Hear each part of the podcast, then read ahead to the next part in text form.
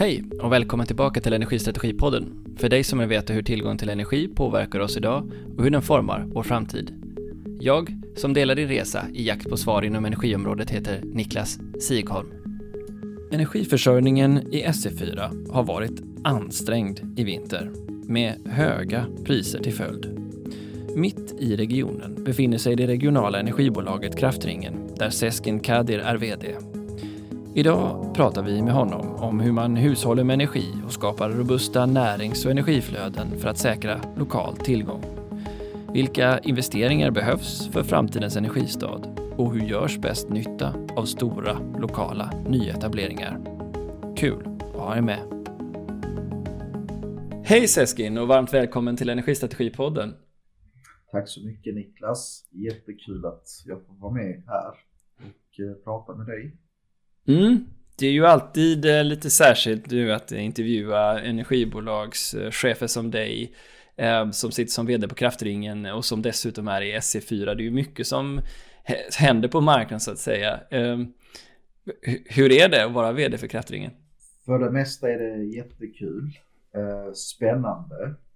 Men självklart så har ju tiderna, framförallt om man går tillbaka ett och eh, till och med två år har ju varit eh, eh ganska händelserika. Och eh, det har inte blivit eh, mindre händelserikt den senaste perioden. Så, så, så det finns ju utmaningar också.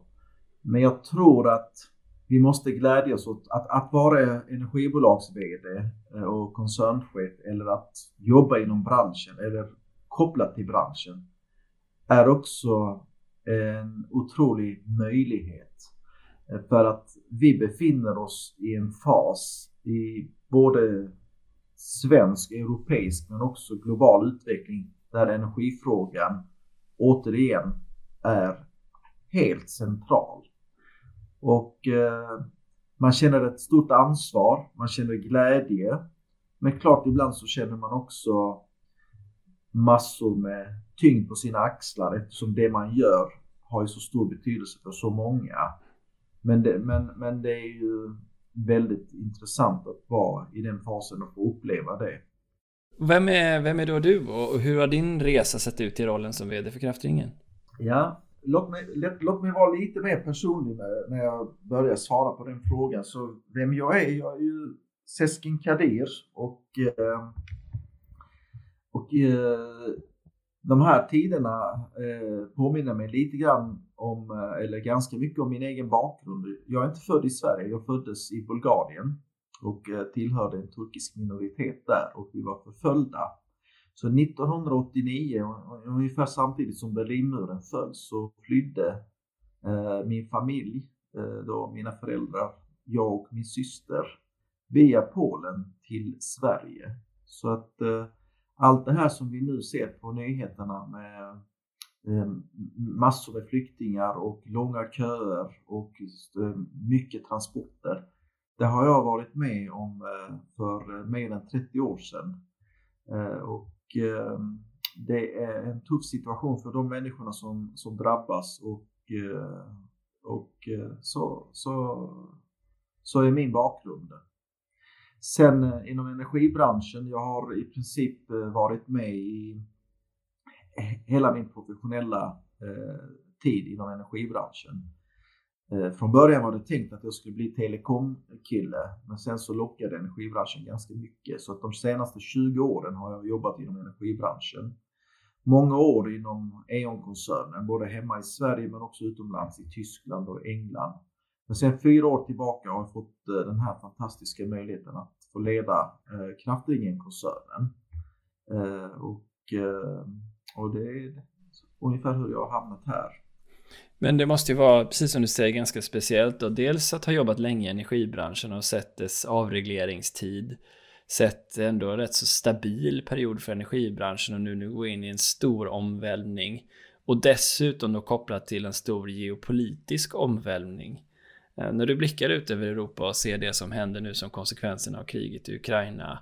Eh, hur tolkar du, vilka intryck tolkar du eller hur tolkar du läget och de intrycken du ser?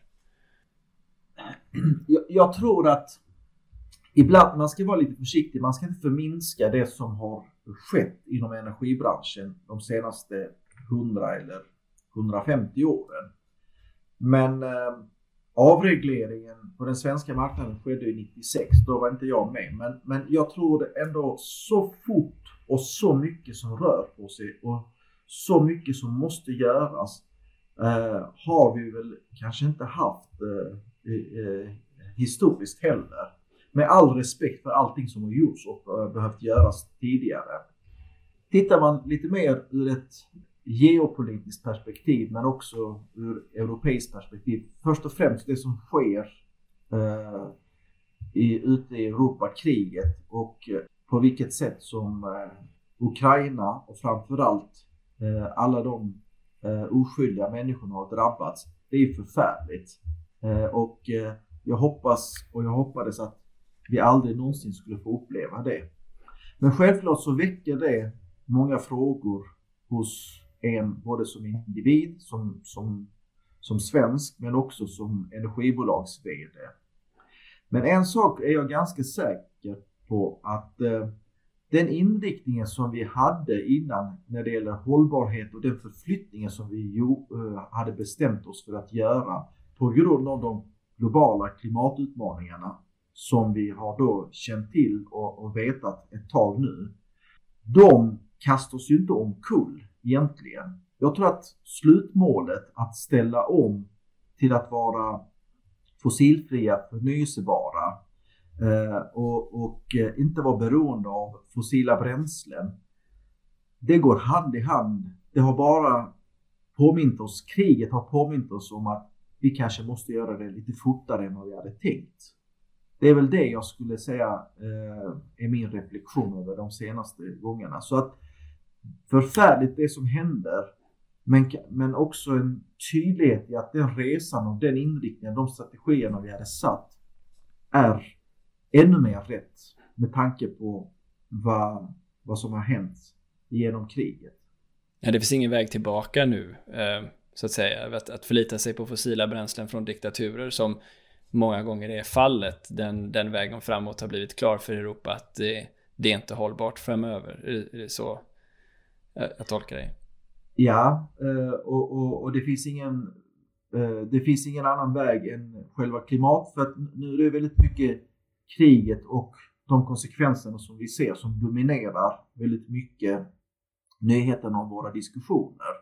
Men vi får inte glömma bort att de senaste veckornas rapporter som kommer från då eh, gällande klimatet, det visar ju på att allvaret eh, har ju inte minskat ur ett hållbarhets och klimatperspektiv. Så även ur det perspektivet, oavsett eh, vad man tänker, så måste vi bort från det fossila. Och det ser vi tydligt. Det, det är inte bara vi energibolagsmänniskor som har förflyttat oss. Det är väldigt tydligt. Jag måste verkligen lyfta våra kunder och, och, och våra samarbetspartners. Viljan är mycket, mycket mer eh, tydlig. Insikterna är mycket, mycket mer eh, tydliga och eh, kraven är mycket, mycket tydliga. Och behoven av lösningar är också mycket tydliga. Ska vi beskriva lite då vilket eh, område som på något sätt vilar på dina axlar då? Eh, vilket område eh, tjänar kraftringen och, och vilka produkter levererar ni där? Kraftringen är ju ett regionalt energibolag. Vi är ju bland de större regionala energibolagen. Vi har elnät, eh, vi har fjärrvärme, kraftvärmen har vi. Eh, vi har elhandel, gashandel, eh, vi har fiber, datorkommunikation. Eh, så att vi är väldigt typiska. Det enda som, det som vi inte har det är väl avfallshantering eller VA som kanske vissa regionala energibolagen har. Så på det sättet så är vi ett komplett energi, regionalt energibolag som har alla de olika delarna vi har eh, gasnät.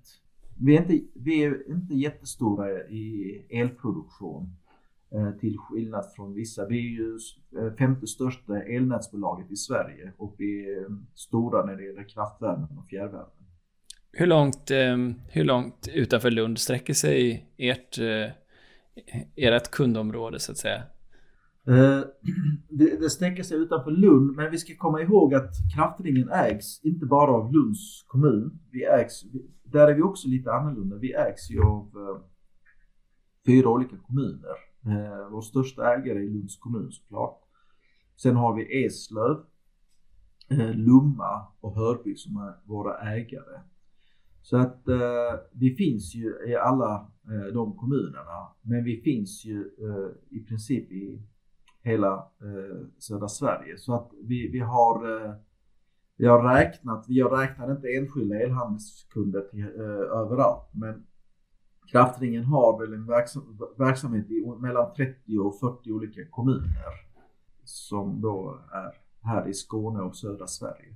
Ungefär hur många kunder har ni om man räknar upp fjärrvärmen och, och elnätet? Uh, ungefär 250 000 kunder har Uh, om man, uh, om man tänker individuellt. Då. Ja, och, och det föranleder ju också att ni är ett av de stora region, regionala energibolagen. Hur mycket omsätter ni och vad har ni för, hur många anställda har ni? För man får en uppfattning. ja, vi Eh, drygt 600 anställda. Vi håller på och växer, behoven är stora. Och eh, vi har väl eh, precis publicerat våra, eh, våra siffror för 2021 eh, så att vi omsatte nästan 4 miljarder för året. det är väl, du vet ju själv också omsättningen eh, säger ju inte exakt allt när det gäller energibolag. När energipriserna är höga så kan man öka ganska mycket i omsättning. Men förra året omsatte vi drygt 4 miljarder, strax under 4 miljarder omsatte vi. Och ni är ju verksamma då i, i elområde 4 som har upplevt den mest eh, volatila vintern på länge med det tidvis otroligt höga priser. Eh, hur ser du på marknaden idag? Det är, eh, precis som du sa Niklas, väldigt volatilt. Jag kommer ihåg när jag skulle berätta för både ägare och styrelse men också våra kollegor inom kraftringen för 20 20 hade gått så sa jag att det är ett extremt år. Och nu när jag eh, berättar om 20, hur 2021 har gått så säger jag att tyvärr måste jag säga att 2021 var ännu mer extremt. Du vet själv att om man, om man ska prata om priser så hade vi genomsnittspriset, elpriset 2020 totalt sett var ju eh, de lägsta som vi, jag tror någonsin har haft och 2021 är de högsta som vi någonsin har haft. Och även om jag har jobbat 20 år inom energibranschen så, så tror inte jag att varken jag eller någon riktigt kunde förutse att två år kunde vara så, så olika. Men situationen är ganska allvarlig Eh, här i söder. Eh, tittar du ändå historiskt, så vi måste komma ihåg hur energisystemet, jag brukar alltid beskriva enkelt energisystemet, det svenska energisystemet. Någonstans kring 1900-talet, då byggde vi ut eh, vatten, vattenkraften. Och sen eh, 65 på 70-talet så byggde vi ut kärnkraften och så förstärkte vi distributionsnäten och transmissionsnäten. Och väldigt länge så har ju det utgjort eh, tydligt det svenska systemet. Eh, stark, bra elnät, 50% vattenkraft och 50% kärnkraft. Det, det, och det har vi ju ganska mycket haft som grund i vår stabilitet och trygghet, men också prisstabiliteten som vi har haft. Och tittar du då vad som har hänt de senaste åren så är det väl nästan 4000 megawatt elproduktion som har försvunnit eh, här nere i syd. Och det, det, det syns nu, det märks nu. Eh, och eh, behovet av eh, elproduktion här i syd eh, har ju aldrig varit så tydligt eh, som det är nu. Och den situationen har ju skapat både prisvariationerna men också eh, importbehovet som vi har sett, men också Eh, priskopplingen till kontinenten har ju också varit väldigt tydlig. Så någonting måste vi göra. Effekt, alltså produktionseffekt i södra Sverige är absolut ett av de mest prioriterade områdena som vi måste titta på. Sedan kan vi inte glömma bort eh, själva överföringskapaciteten och det, det, finns ju på agendan också att eh, vi måste kunna överföra eh, kraft från norr till söder bättre än vad vi har kunnat göra. Ja, ett exempel som ofta lyfts upp som eh, ett eh, föregångsexempel kommer ju från, eh, från ert område. Det kallas för effektkommissionen om jag förstår rätt, som är ett samarbete mellan både regionerna, Länsstyrelsen och energibolagen och kanske också vissa stora konsumenter. Och visst är det så att du själv sitter med? Kan du berätta lite grann om, om vad bakgrunden till det samarbetet var? Jag sitter med där. Eh, jag tillsammans med några energibolagskollegor och eh, Region Skåne. Eh, vi var initiativtagare till det. Vi, vi började i lite mindre skala och sen så har ju Eh, alla tagit ett stort ansvar och även Region Skåne har tagit ett ansvar. Det är ju ett tecken på det som, eh, det som jag beskrev tidigare. Vi insåg, vi, vi insåg ju allihopa att det här är inte en fråga som bara kan lösas av enskild aktör. Utan vi måste jobba över gränserna. Så att då, där skapade vi ju ehm, effektkommissionen eh, för, för, i Skåne och först och främst det är ju mer för att kunna börja prata med varandra och förstå egentligen problematiken och inte eh, ensam titta eh, ur varsitt perspektiv. Men också ha en gemensam röst eh, i eh, både eh, energidebatten men också de förändringar som behöver ske.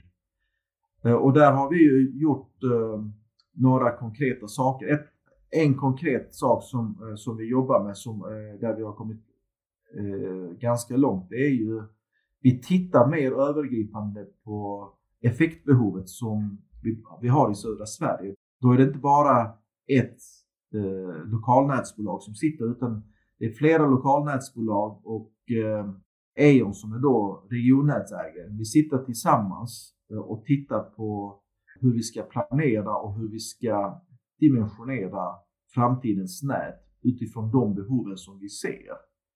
Eh, det är ett sådant exempel på ett arbete som, som görs. Hur viktigt har det samarbetet kommit att bli för dig och er om du sätter ord på det? Jag tror att det är ett, ett exempel på ett viktigt samarbete. Det är inte det enda eh, och det är inte det enskilt viktigaste utan det är ett av flera olika. Men, men det har ju det har ju belyst tydligt också att vi måste tänka större och, och bredare. Och just det här med partnerskap, att man måste prata med de andra. Så att Effektkommissionen är ett exempel bara på där vi jobbar med partners, där vi pratar med varandra och ser problemet. Men det finns andra saker. När, när vi tittar till exempel, om vi går till vårt elnätsbolag. Vi är ju femte största elnätsbolaget. Och tittar man, du sa om vi bara tar de ägarkommunerna som vi, om vi bara utgår från dem, även om vi finns i andra.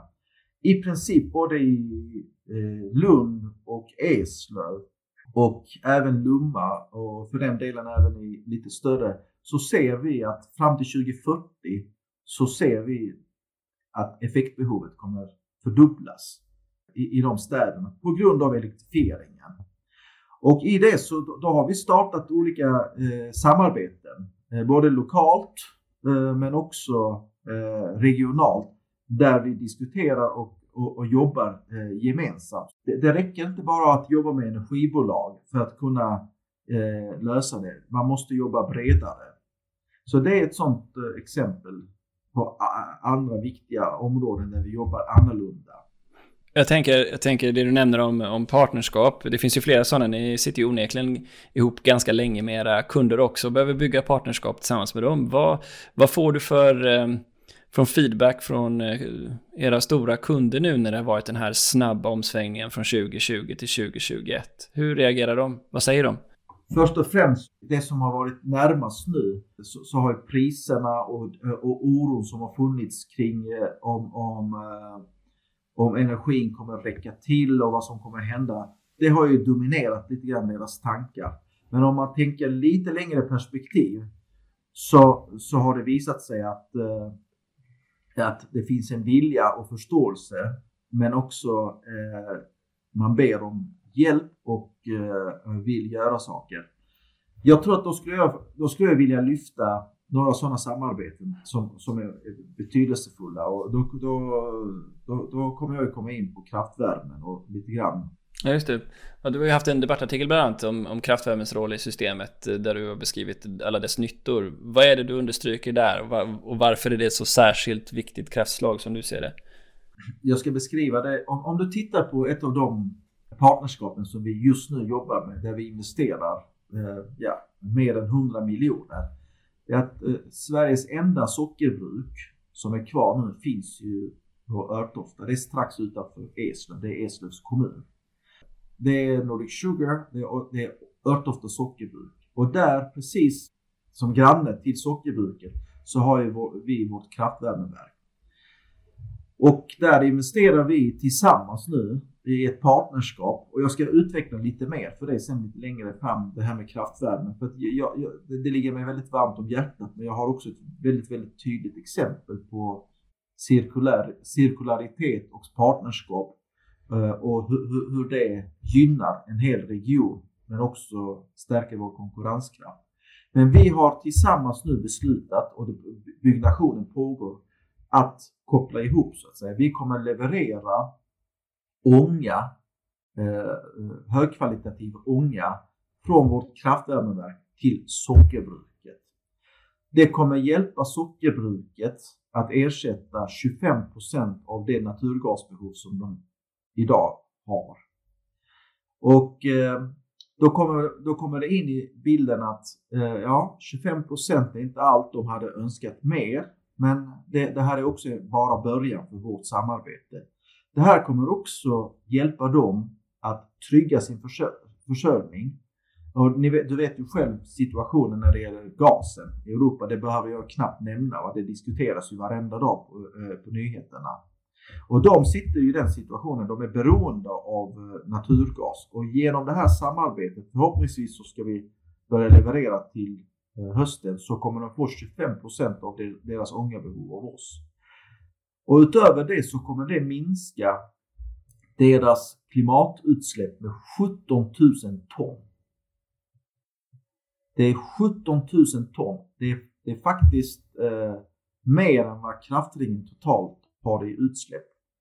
Eh, eh, och, och, det, det, och, och, det är ett fantastiskt samarbete. Och om man tittar egentligen, vad, så, vad är ryggraden i hela detta här? Det är att vi är fossilfria sedan 2018 i vår produktion. Så 2018 eh, så blev vi helt fossilfria. För att förstå hur vi kunde uppnå det så måste man gå tillbaks till eh, ja, lite längre bak, men åtminstone 2014. Då byggde vi Eh, det biobränslebaserade bio eh, bränslebaserade kraftvärmeverket Örtofta. Det är en investering på ungefär 1,8-1,9 miljarder. Det är det som möjliggör. Va? Och det, där har vi egentligen en fjärrvärmeeffekt på runt 110-115 megawatt och sen har vi elproduktion på ungefär 40 megawatt installerad. Och när man tittar på det här så, så är det, det det som möjliggör egentligen att vi kan göra ett, ett sådant partnerskap och hjälpa sockerbruket att både trygga sin försörjning med ett cirkulärt system, eh, både och, och eh, prismässigt och hållbarhetsmässigt. Och då måste man också lite grann utvidga detta här Niklas och tänka på Ja men sockerbruket, vem, vem, vad är det sockerbruket gör? Jo, det är ju om, om du tar en runda i, eh, ute i Skåne så ser du mycket betodlingar, rapsodlingar och eh, snart, du får komma ner till Skåne någon gång i maj, då kommer du se hur gult och fint det är överallt, men också betorna. Det här är också ett sätt att stärka jordbrukarna, de som odlar betorna, deras råvara kommer in till sockerbruket och, eh, och vårt samarbete stärker konkurrenskraften för betodlarna som finns runt omkring. Och kraven är tydliga både när det gäller effektivitet, pris och så vidare, men hållbarhet. Och vår förhoppning är att vi ska lyckas med det här projektet till hösten och sedan så ska vi starta nästa nivå. Sen kan man ju utvidga det här systemet och tänka så här att vad är det mer som det här möjliggör? Som du kanske har hört så byggs det ett nytt eh, område, ny stadsdel i norra Lund som kallas för Brunnshög. Och var ligger det där? Jo, två av kanske Sveriges mest kända forskningsanläggningar, Max 4 och ESS ligger där. Max 4 är ju, det är ju svenskt men det tillhör ju Lunds universitet. Med ESS fick vi hit i konkurrens med i princip resten av världen, åtminstone resten av Europa. Och en av de absolut avgörande orsakerna till varför vi kunde få ESS till Lund och till, hem till Sverige, det var energilösningen som vi erbjöd. Och det är också kraftvärmen och det system som vi har som har möjliggjort det. Och där bygger ni upp ett lågtempererat nät runt eh, ESS va? Ja, det är... Eh, om, om du tittar på hela Brunnshög eh, så kommer den energin som kommer alstras i de här forskningsanläggningarna, alltså i de processerna, kommer vara tio gånger mer än vad som kommer behövas för att värma upp själva stadsdelen. Och eh, i princip i alla, alla eh, forskningsanläggningar som finns ute i världen, det är oftast därför som jag blir kontaktad, eh, så, så måste man kyla bort den värmen. Men där har vi utvecklat ett system, lågtempererat eh, fjärrvärmenät, som vi då både har utvecklat, alltså det är ju forskning och, eh, men också risktagande. Som, som, som då istället för att komma upp i kanske 90 grader så, så, så har vi eh, ungefär 65 grader.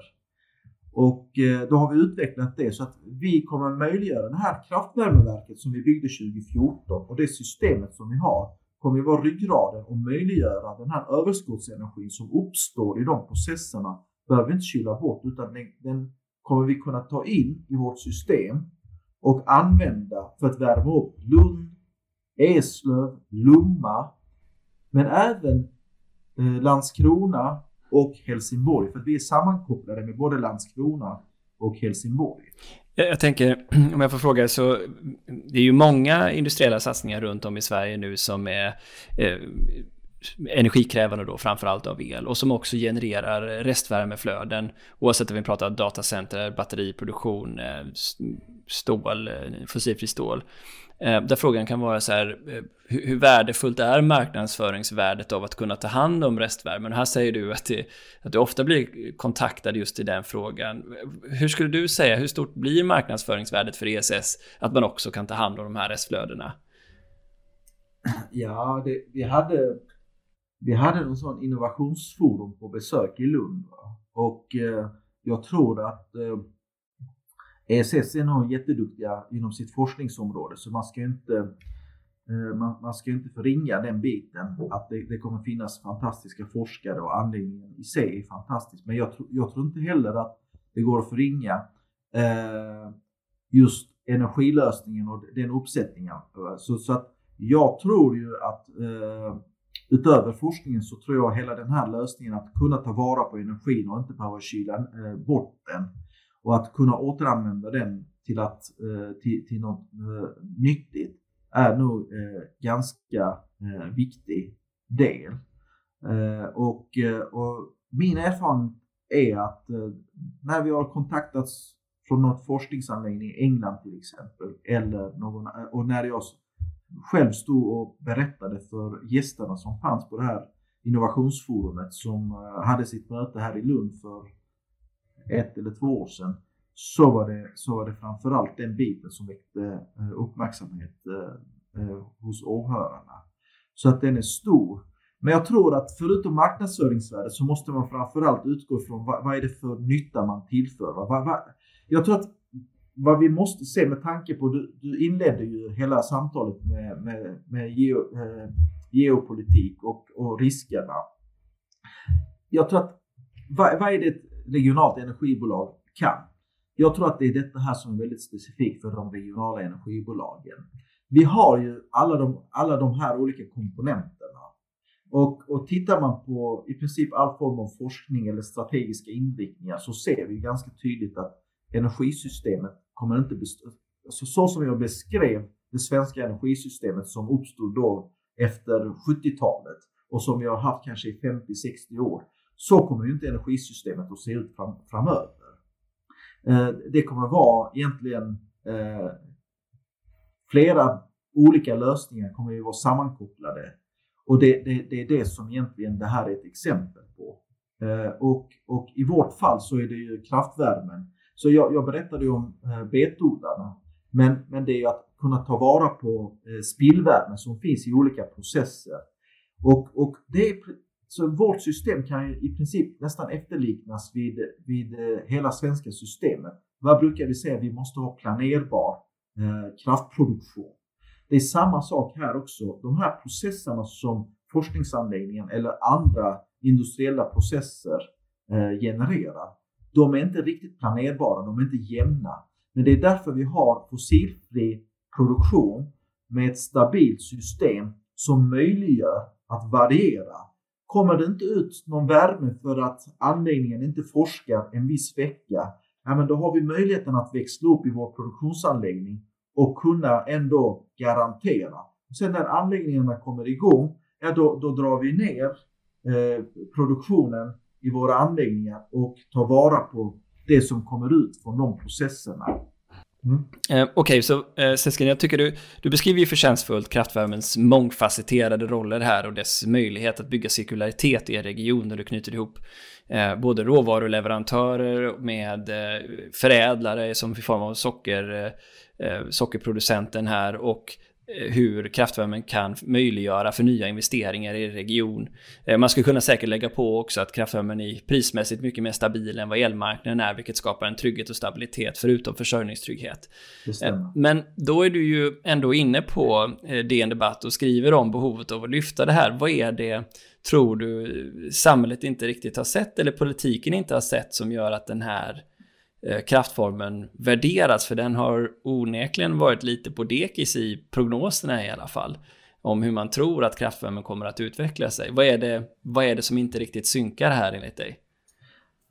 Jag, jag måste säga att vi, vi, vi är på god väg att, att uh, få gehör. Va? Så att jag tror att situationen i förståelsen för vad kraftvärmen betyder och det här cirkulära systemet uh, och dess roll Eh, har nog börjat nå fram till eh, de flesta. Jag tror att nästa steg är att vi måste göra någonting åt det. Och, och eh, vad jag hör nu, vi lanserade ju precis nyligen så, så kom ju elektrifieringskommissionens rapport och den strategin. Va? Och en av de första sakerna som, som man tar tag i, det är elnätsregleringen.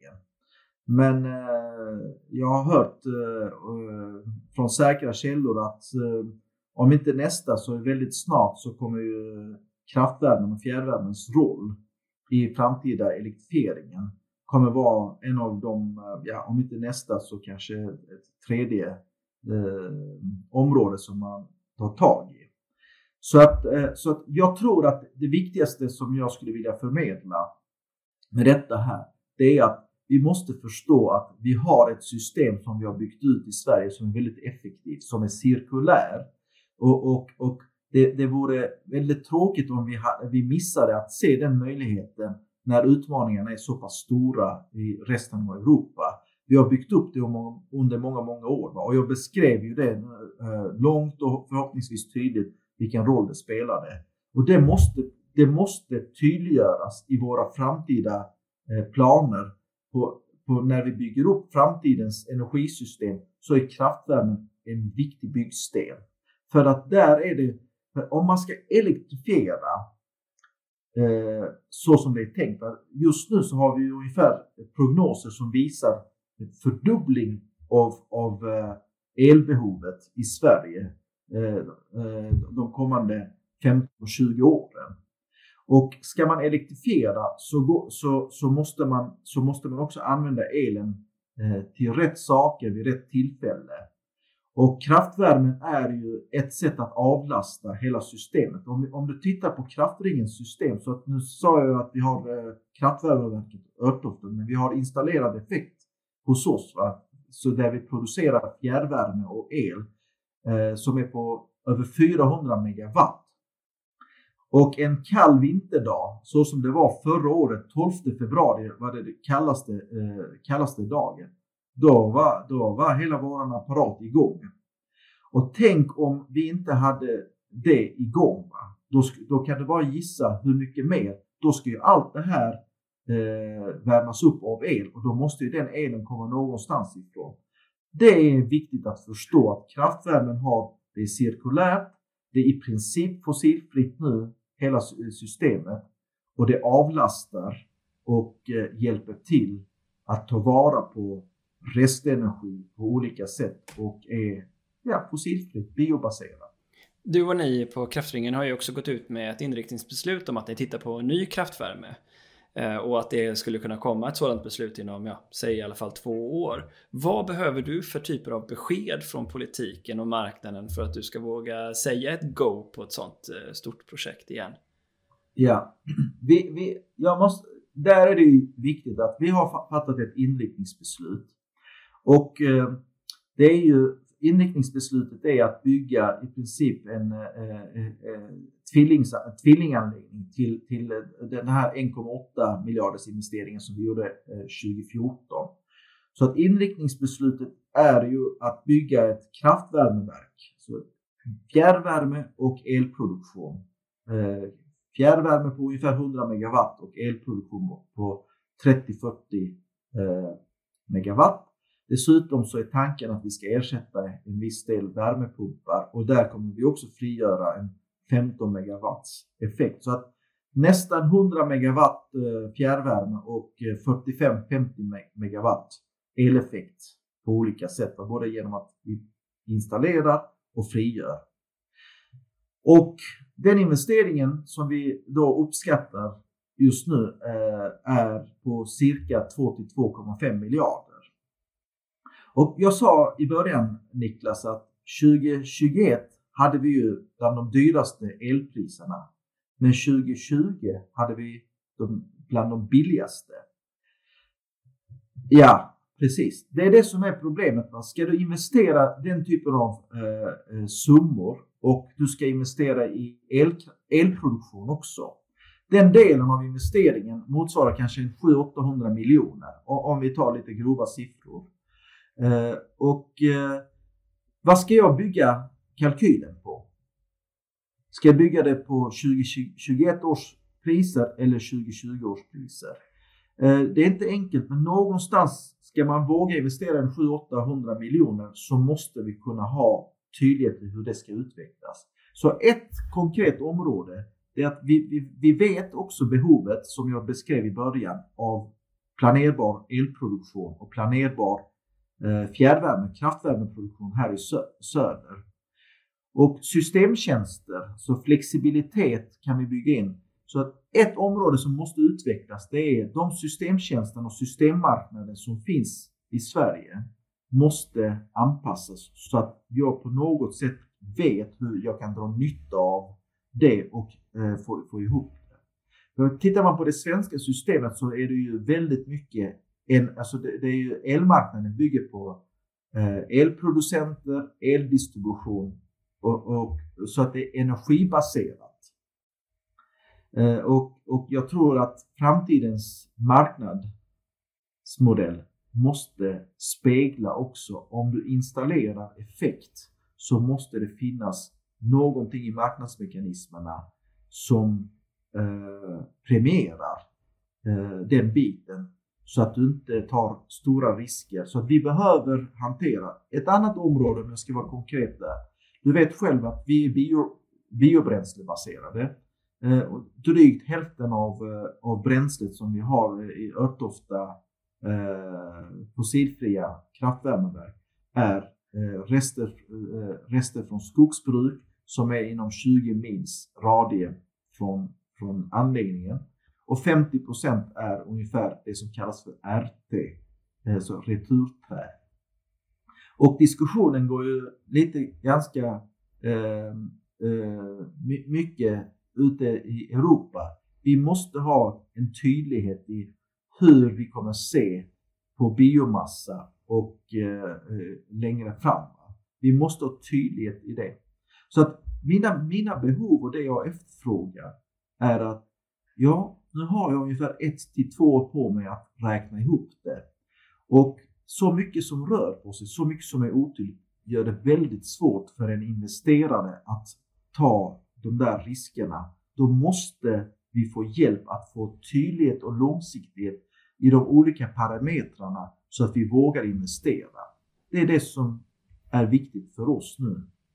Ja, hur, eh, hur är det att överblicka, om du går på, på råvaruförsörjningen och tillgången på bränsle nu när hela Europa ska röra sig bort från, eh, från det fossila gasberoendet och Tyskland och EU går ut och säger att man ska vara oberoende av rysk gas fram till 2030. Det kommer ju kunna påverka dina ingående marknader rätt så betydande. Hur, hur ser du på den risken?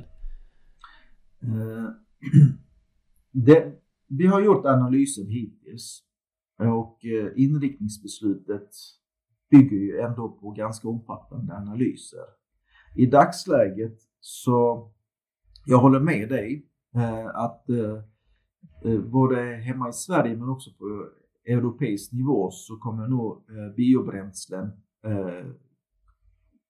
röra sig uppåt i, i, vad ska man säga, i i behovsbilden och, men också i lösningarna. Så det, det, stämmer.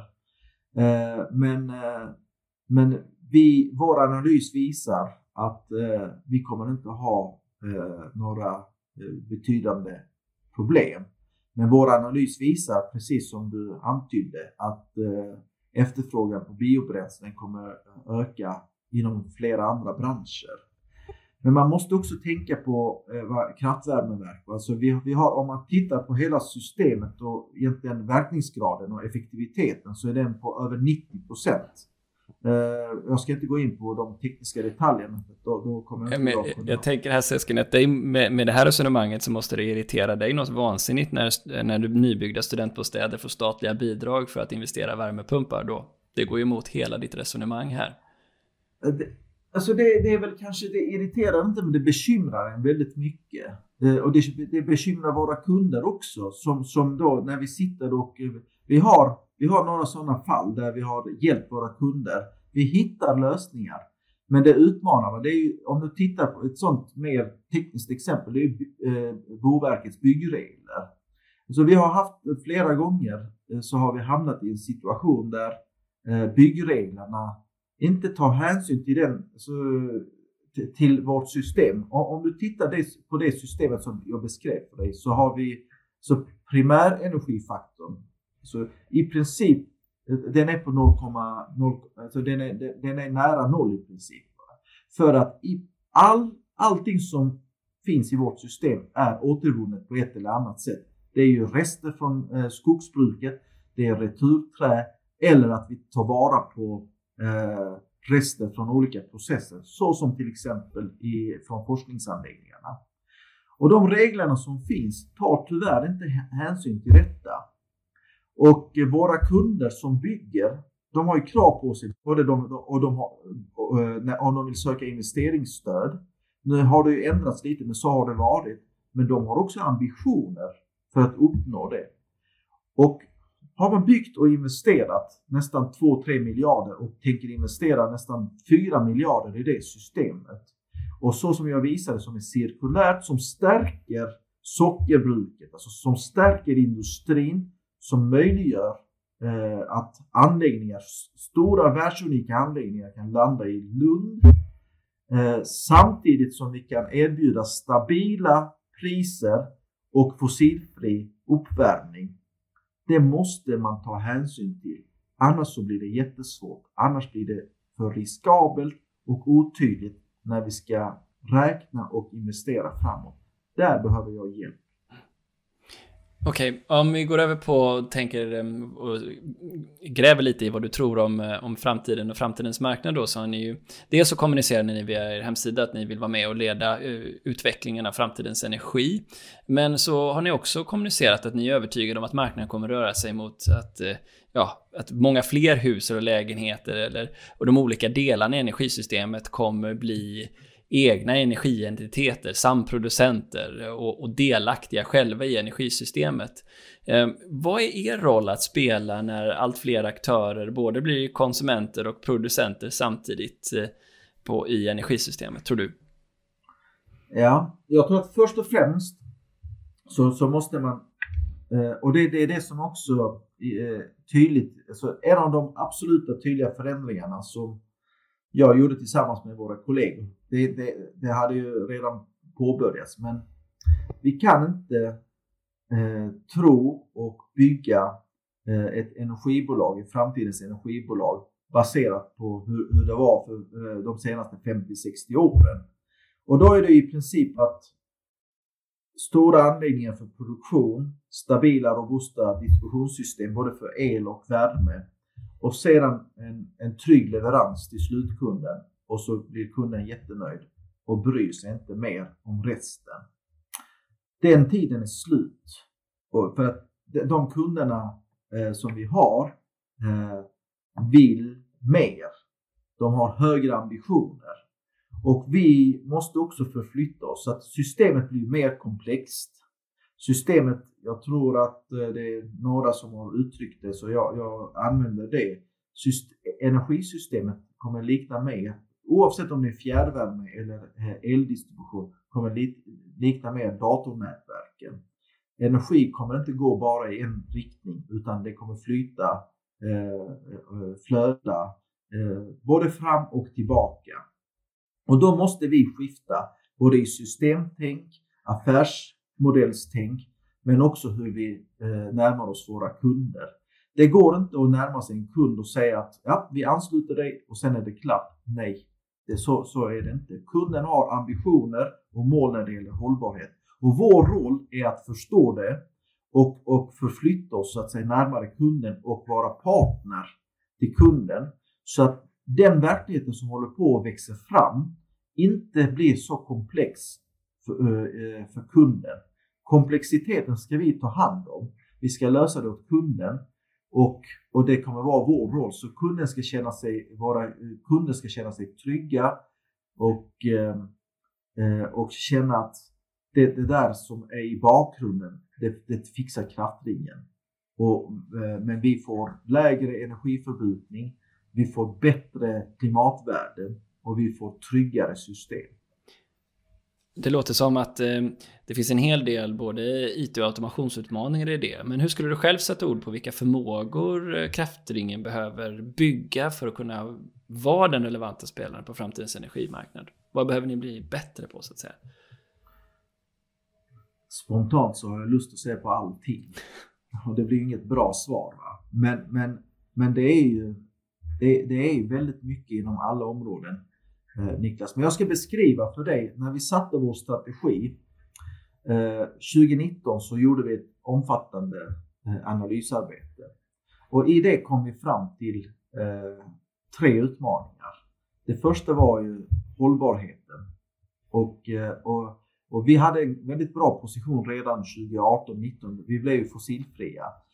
Men vi, vi, var ganska övertygade, även om vi ibland tänkte, så var vi ganska övertygade om att eh, hållbarhetskraven kommer inte minska.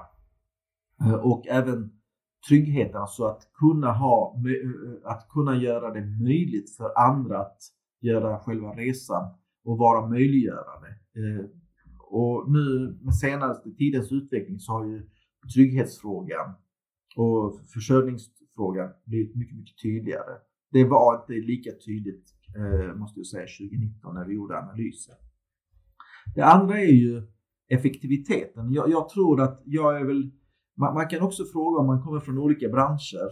Eh, går du in i en, en, en, annan bransch som är väldigt konkurrensutsatt så kommer man tänka så här, ja men vad är det, vad är det som gör att, att du tänker på just det här att vara effektiv och kostnadseffektiv? Eh, det är väl givet, det finns överallt. Men jag tror att inom energibranschen så har det inte varit lika givet. Va? Vi, har, vi, har, eh, vi har fokuserat mer på att robustheten och så vidare. Och konkurrensen utifrån har inte varit lika närvarande.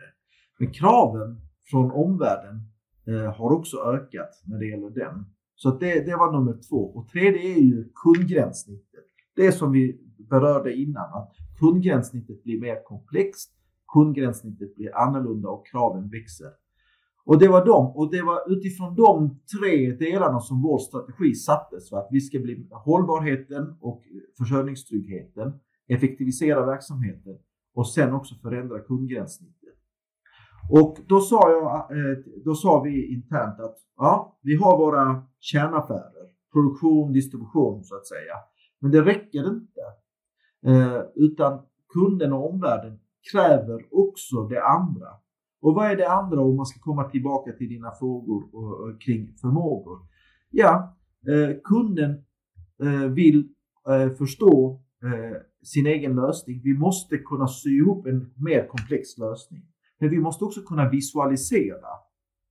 Är det elproduktion på taket via solceller samtidigt som fjärrvärme kommer in och du måste styra hur mycket effekt du tar ut från elnätet för att du har en, eh, en bil som du laddar.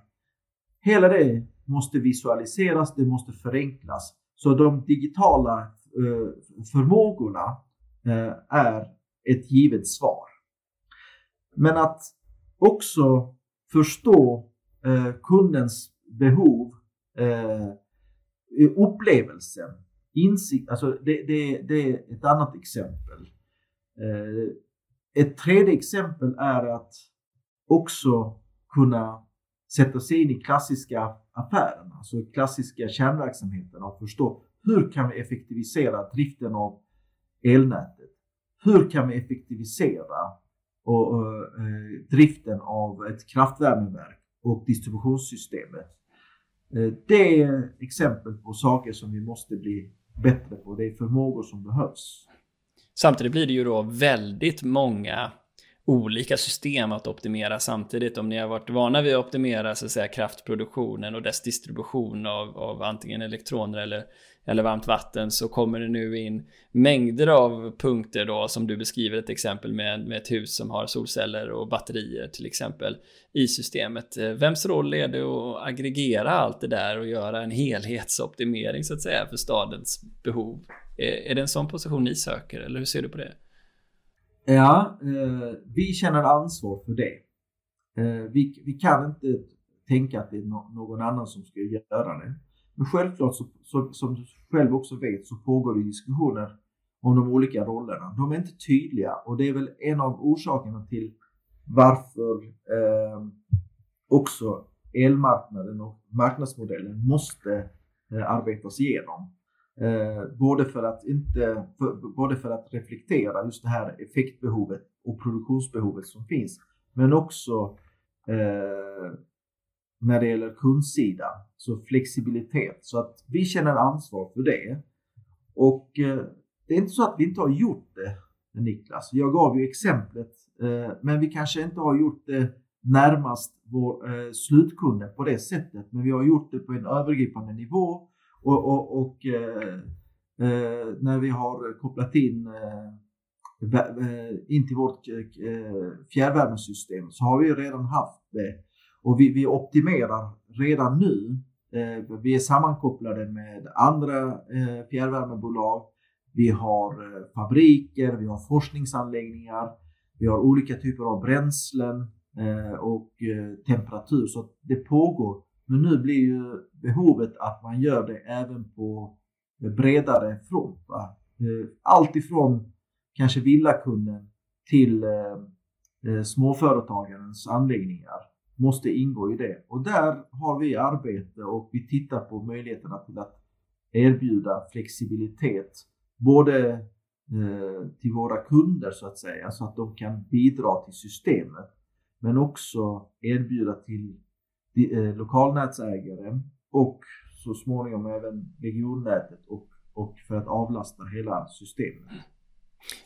Eh, jag vill hinna med att fråga dig också för Eh, som du själv nämner då, både i Lund och Eslöv och Lomma så bedöms eh, behovet av eh, el att dubbleras de närmaste 15-20 åren, likväl som i helheten av Sverige. Och, och, även om du nu skulle få investeringen på plats, ett nytt kraftvärmeverk och addera på 50 megawatt planerbar kraft så behövs ju mycket, mycket mer. Och lägger man därtill på, antar jag, behovet från sockerbruket att helt transferera bort från eh, naturgasbehovet så skulle de säkert behöva ersätta det med ganska stora mängder biogas. Alltså det, det, det krävs stora volymer ny eh, som kraft eller elproduktion in. Ehm, vilken roll har det regionala energibolaget för att se till helheten av den kraftförsörjning som erbjuds eh, till regionen. Och kanske vindkraft är ett specifikt sånt jag tänker på såklart då, men hur ser, hur ser ni på att också vara möjliggöraren och vilken roll har ni för att säkerställa att tillräckligt med effekt skapas i er lokala liksom, region? Jag tar det som två olika frågor eh, som är sammankopplade. Så det första är vilken roll har eh, det regionala bolaget? Jag, jag skulle vilja skicka till alla, alla mina kollegor i branschen men också övriga Sverige att regionala energibolagen har åstadkommit mycket och har en mycket viktig roll framöver. Så där måste vi ha eh, ett mycket gott självförtroende men också känna det ansvaret. Och jag tror att både mina ägare då, alla fyra kommunerna, eh, är väldigt väl medvetna om det. Och, eh, och det är många, många av mina kollegor som jobbar och känner det ansvaret. Men vi har också, vi har också bevis på att vi har gjort den typen av eh, eh resor. Och att vi har, om du tittar, vi var bland de första i Sverige som blev helt fossilfria 2018. Vi tog en investering på 1,8 miljarder 20, eh, tidigare än 2014. Vi blev klara 2014. Det är exempel på vad regionala energibolagen kan göra. Det finns flera sådana investeringar. Tittar du på vår roll och, och, och vad vi då som Kraftringen planerar. Fram till 20, 2030 eh, planerar vi att investera 8 miljarder. Drygt 4 miljarder inom eh, värme och kyla, 3,5 miljarder på, inom eh, distributionsnäten och en halv miljard på fiber och, och datorkommunikation. Självklart så ingår det en massa satsningar på att utveckla människor, digitalisering och så vidare. Men om jag ska uttrycka det lite enkelt så att man kan följa. Så, så vi har ett, en mycket, mycket, mycket viktig roll som regionala energibolag i den omställningen och det behovet som finns. Sen har du också rätt Niklas att 50 megawatt elproduktion är ju ingenting jämfört med det behovet som man har. Men, men när man tänker på kraftvärme så ska man inte bara fokusera på elproduktionen. Man måste fokusera på hela det här cirkulära som jag beskrev i början. Det får man inte glömma bort. Det, det, det avlastar, så, det, så det, det, här kommer inte vara 50 megawatt. Det handlar om 150 megawatt mer som helhet. Sen eh, ska vi, sen så kom, om man ska komma till din fråga kring vindkraften. I söder så finns det inte jättetydliga exempel där regionala energibolagen har varit stora investerare i vindkraft. Men om du förflyttar dig norrut till våra kollegor uppe i norr så finns det ju väldigt många, eller kanske eh, inte många, men det finns ju väldigt tydliga exempel. Om vi tar våra kollegor i Skellefteå Kraft. Va? De har investerat eh, starkt i vindkraftsparker. Så att, eh, men om man ändå flyttar sig ner till södra Sverige så tror jag att vi har möjlighet att ha en tydlig roll även när det gäller vindkraften. Vi var bland de första som investerade men, men vindkraftsaffären har ju också eh, förändrats väldigt mycket. Det är ju stora parker som det gäller och det är enorma investeringar som har behövts. Va? Så, att, så där ser man ju väldigt mycket. Det är stora investeringar och det är institu institutioner som går in med, med, med stora eh, kapi kapitalmängder. Så har det varit. Och där kanske inte riktigt vi kommer ha en jättestark roll va? Eh, när det gäller eh, det perspektivet. Men sen måste man också tänka på hur kommer energisystemet att se ut framöver? Och vad är det vi eh, regionala bolag sitter på? Jo, vi, har, vi, vi är starka, vi är nära kunderna, vi känner till regionen, vi vet eh, styrkorna i geografin och i elsystemet och kraftsystemet. Där tror jag vi har en mycket, mycket tydlig roll, vi som är syd. Eh, det är att vi, vi kanske inte bygger 150 vindkraftsmöllor. Eh, men kraftringen kommer definitivt att kunna utifrån möjligheterna som uppstår, det, där finns det ju tyvärr hinder i, i vägen. Men när de hindren är röjda så tror jag att vi kommer analysera vårt system och titta, aha, här har vi möjligheter. här är det mark, här har vi bra relation till markägarna och vi kan erbjuda möjligheter. Och då kanske vi smäller upp 10-12 stycken eh, eh, vindkraftsmöllor och stärker det cirkulära, det lokala. Där tror jag vi har en mycket tydlig roll att spela. Men, eh, men varför inte även i större satsningar? Men i söder har jag lite svårare att se. Det är tydligare i norr och där finns det ju redan den typen av investeringar som är gjorda. Jag vävde ju in även biogasen i min fråga, eh, kanske lite många saker i samma, men där ser vi ju också en enorm tillväxt av eh, behov kring biogas. vad ser du kring det? Eh, biogasen är eh, lite grann som kraftvärmen, någonting som vi har eh, tappat bort lite på senare tid. Jag själv har ju jobbat inom gasbranschen och jag, jag sitter i eh, Energigas Sveriges eh, styrelse, föreningen. Och eh, om du tittar på det svenska eh, gassystemet så breder det sig ut i, framförallt i västkusten.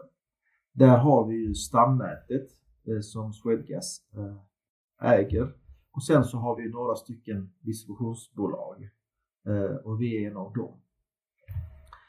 Och jag tror att jag har inte exakta siffrorna, men om man tittar på den mängden gas som används i Sverige så är det ungefär eh, en femtedel, drygt 20, 20 procent som är eh, svenskproducerad. Eh, för några år sedan så eh, tog branschen fram en strategi och också visade möjligheterna till att eh, vi har faktiskt i Sverige möjlighet att eh, producera biogas som motsvarar den mängden som egentligen vi behöver. Eh, eh, nu har det hänt, precis nyligen har det hänt när det gäller eh, produktionsstöd och så vidare. Det finns en utredning som gjordes eh, och jag hoppas att vi ska kunna implementera så fort som möjligt de, de sakerna, de förbättringarna som föreslogs i den utredningen. Men jag brukar säga så här att fortfarande, när det gäller framförallt produktionssidan, det har skett en positiv utveckling, så är det ganska fragmenterat. Det bör ske en utveckling och vi bör inte glömma bort biogasen. Precis som kraftvärmen så är, det, så är biogasen en, en fin svensk lösning. Det är en fin cirkulär eh, lösning som stärker eh, vår konkurrenskraft, som bidrar till eh, hållbarhetsmålen. Eh, och, och, eh, och sen måste man igen komma ihåg Niklas, det är att framtidens energisystem kommer inte bestå av ett par stora lösningar. Den kommer bestå av många olika lösningar som är sammanlänkade. Och biogasen har en roll. Och vi är starka i Sverige på biogas, men vi, har, vi behöver göra lite mer och fokusera lite mer på det. Givet att du har beskrivit här och de förmågor som du lyfter fram, hur, eh, hur positiv är du att eh, Sverige klarar av att eh, gå mot ett netto samhälle till 2040-talet? Jag tror på oss. Vi har gjort uh, saker tidigare. Uh, jag tror på det utifrån uh, ett nationellt perspektiv. Alltså att den typen av förändringar och förflyttningar har Sverige kunnat genomföra. Men jag tror på det också utifrån min vardag, alltså hur vi jobbar. På Kraftringen är det inte bara jag som eh, brinner för den förflyttningen. Ägarna, styrelsen, men framför allt mina kollegor, alltså de som jobbar på golvet. Det är faktiskt de som, det är de som, driv, eh, som, som har den starkaste drivkraften. Och situationen är inte annorlunda om du åker till våra kollegor eh, både i norr och i öst och väst. Eh, så att och, och, och också med de exemplen som jag gav. Men, men, jag, men sen måste man komma ihåg, det är möjligt, men, men det, går, det är inte möjligt om vi sitter eh, alltså, och lutar oss tillbaka. Jag ska, jag ska gå in lite grann på ett område kring politiken. Va? Och, eh, och när, när vi pratar om det här med elsystemet och eller elmarknadsmodellen. Jag förstår det, jag har hört det flera gånger att det har lyfts och när, när, när politiken diskuterar eh, energifrågan och, och, så försöker man så, så är det ju, så försöker man förenkla det.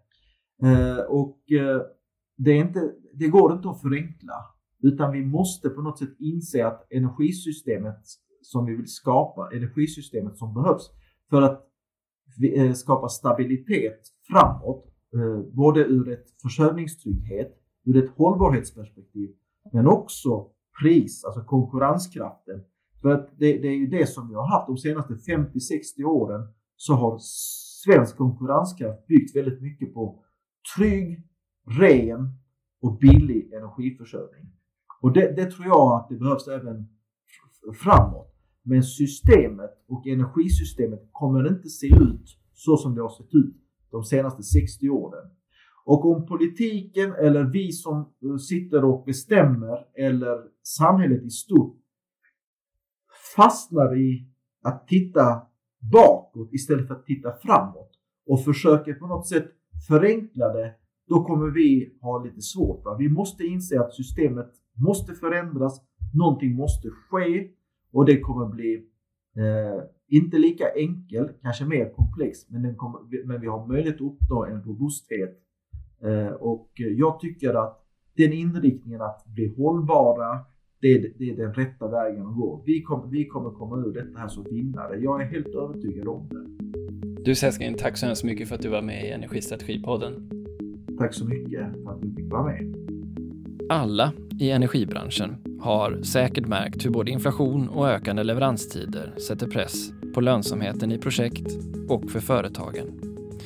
Nästa vecka träffar vi därför Simfra och deras jurist för att diskutera inköpets funktion och vad som händer om en leverantör inte kan leverera och hur man möjligtvis kan skydda sig från allt för mycket risk. Hoppas vi hörs då.